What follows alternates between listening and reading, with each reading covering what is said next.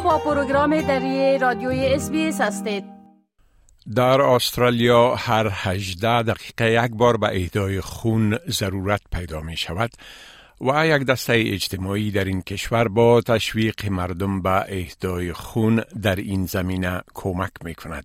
جامعه اسلامی استرالیا یک کارزار ملی اهدای خون را با ثبت صدها نفر در مساجد سراسر کشور راه اندازی کرده است.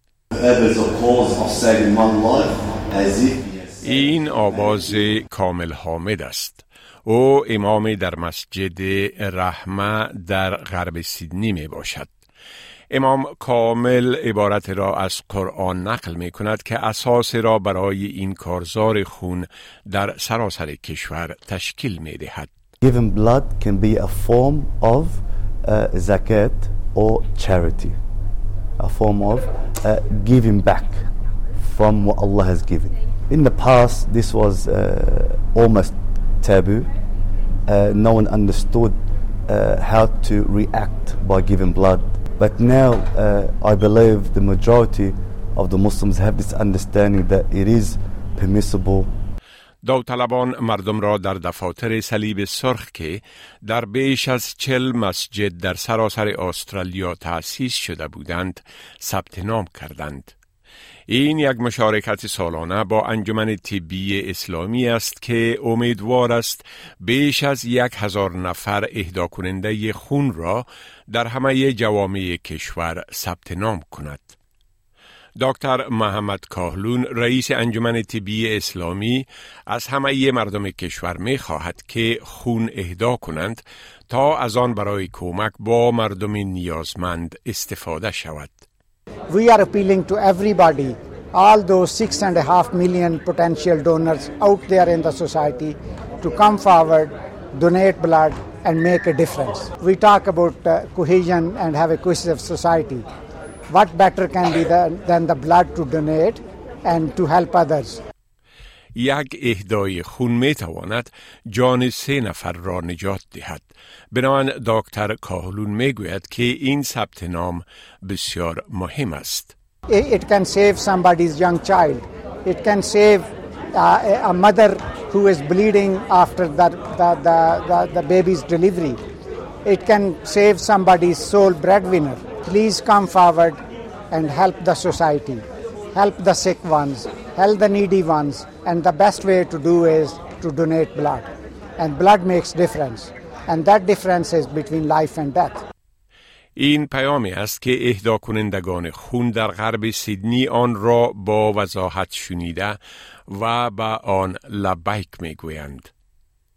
هر فرد سالم بین 18 تا 75 سال واجد شرایط اهدای خون است. اما متخصصین می گویند که به اهدا کنندگان بیشتر نیاز وجود دارد به خصوص آنهایی که از جوامع چند فرهنگی هستند.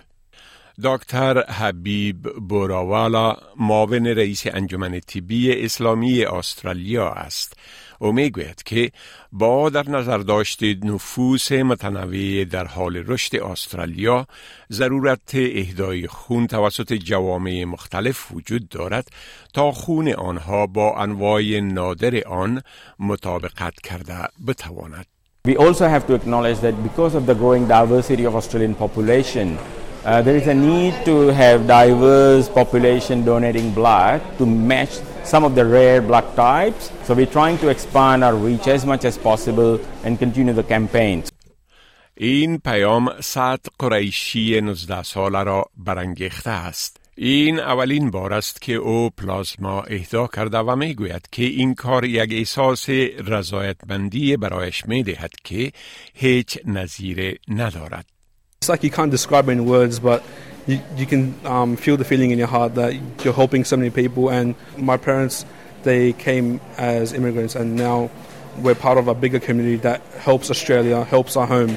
با وجود این که مردم مثل صد بعد دادن این هدیه نجات دهنده زندگی اقدام می کنند در مجموع صرف 3.5 فیصد از نفوس استرالیا به این کار اقدام می کنند.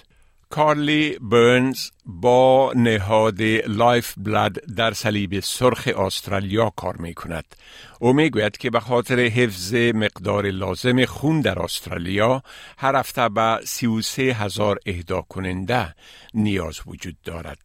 We need 33,000 donations every week to maintain Australia's blood supply, and that is increasing. So, after the pandemic, we've seen elective surgeries kick back up, which means that we need more blood and blood products to make sure that patients are getting what they need.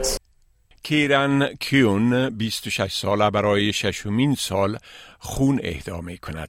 او می گوید که این کار بر بسیاری از جنبه های زندگی او تأثیر می گذارد. Knowing that I'm eligible to donate blood means that I can do this for my faith, but also it's something that will directly um, impact my community as well. It's important that, you know, we give back in the community when we can because the next day could be someone that we love who's in need of a blood donation. و این کار صرف در حدود 45 دقیقه وقت می گیرد. وقت بسیار کمی که اثرات پایا دارد. گزارشی را که شنیدید با کمک فرانسیسکا دی نوچیو از SBS News تهیه شده بود. می خواهید این گونه گزارش ها را بیشتر بشنوید؟ به این گزارشات از طریق Apple Podcast، Google Podcast، Spotify و یا هر جایی که پادکاستتان را می گیرید گوش دهید.